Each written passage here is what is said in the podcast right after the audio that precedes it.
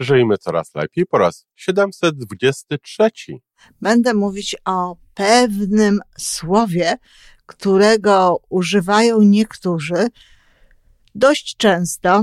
Niektórzy go nie używają, nawet zawsze powiedziałabym, niektórzy go już nie używają, ponieważ mieli ze mną jakiś kontakt i usłyszeli ode mnie, że to nie jest najlepsze słowo na określanie pieniędzy.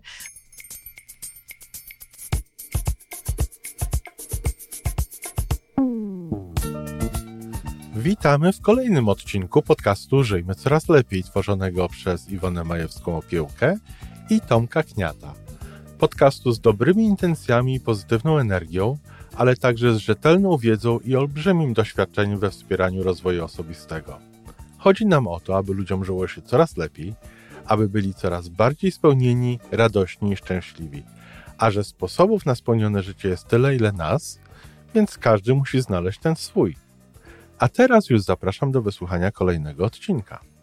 Dzień dobry, kochani. Piątek, mój ulubiony dzień, ale dzisiaj nie będzie bonmotu, nie będzie żadnego przysłowia.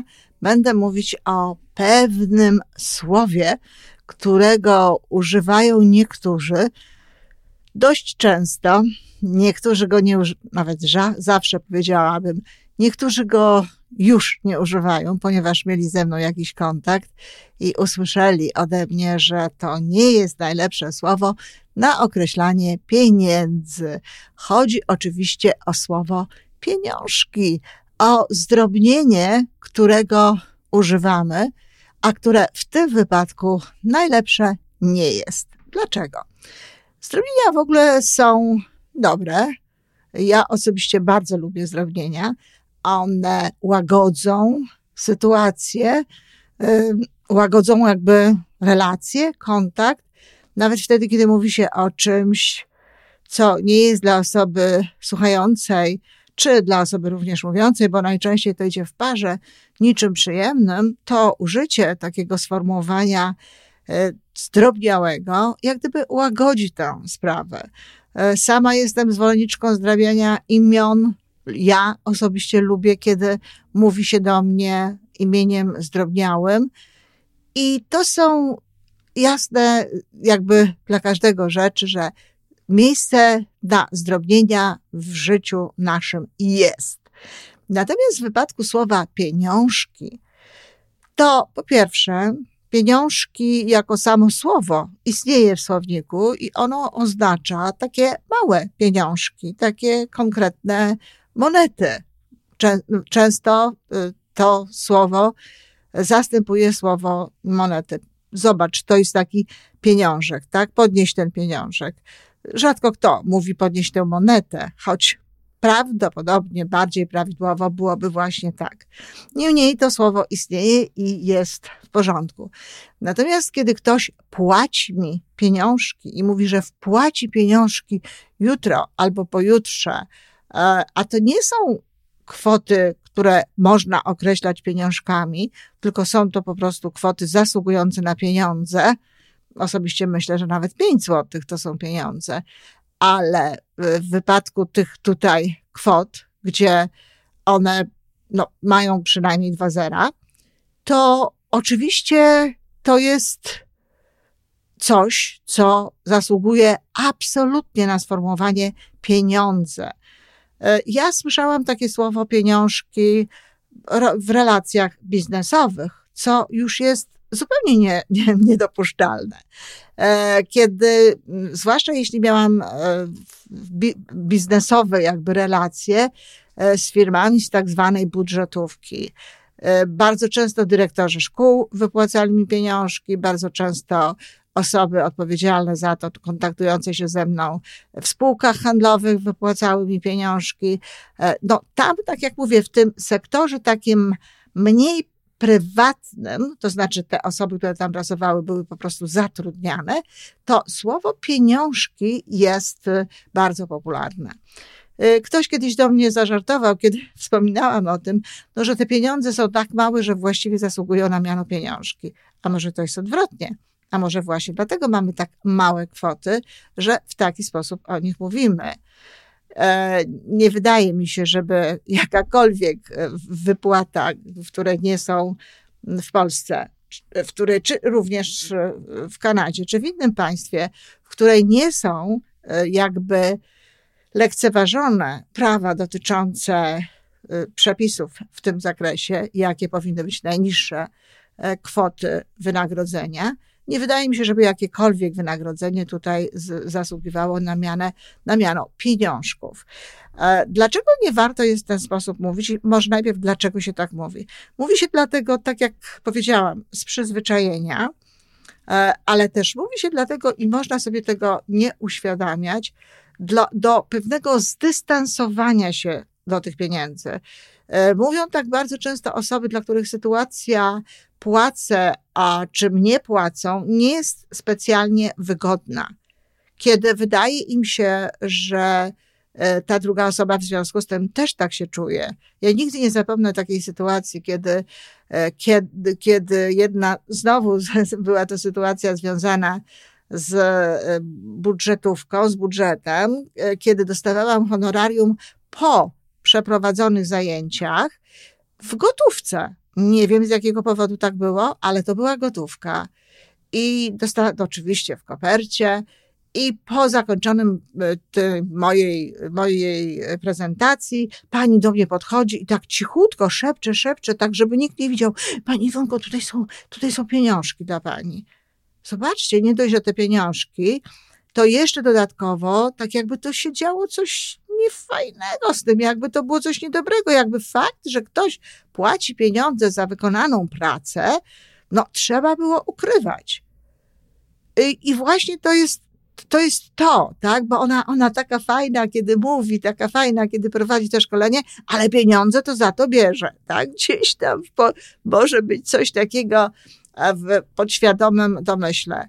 Jest coraz lepiej kiedy wyjeżdżałam z Polski, już było coraz lepiej w tym naszym stosunku do pieniędzy i w tym zrozumieniu, że ludzie mogą robić najpiękniejsze, najbardziej wzniosłe rzeczy, ale to, że przyjmują pieniądze za wykonywaną pracę, jest jakby sprawą naturalną, pozwalającą również tym ludziom żyć.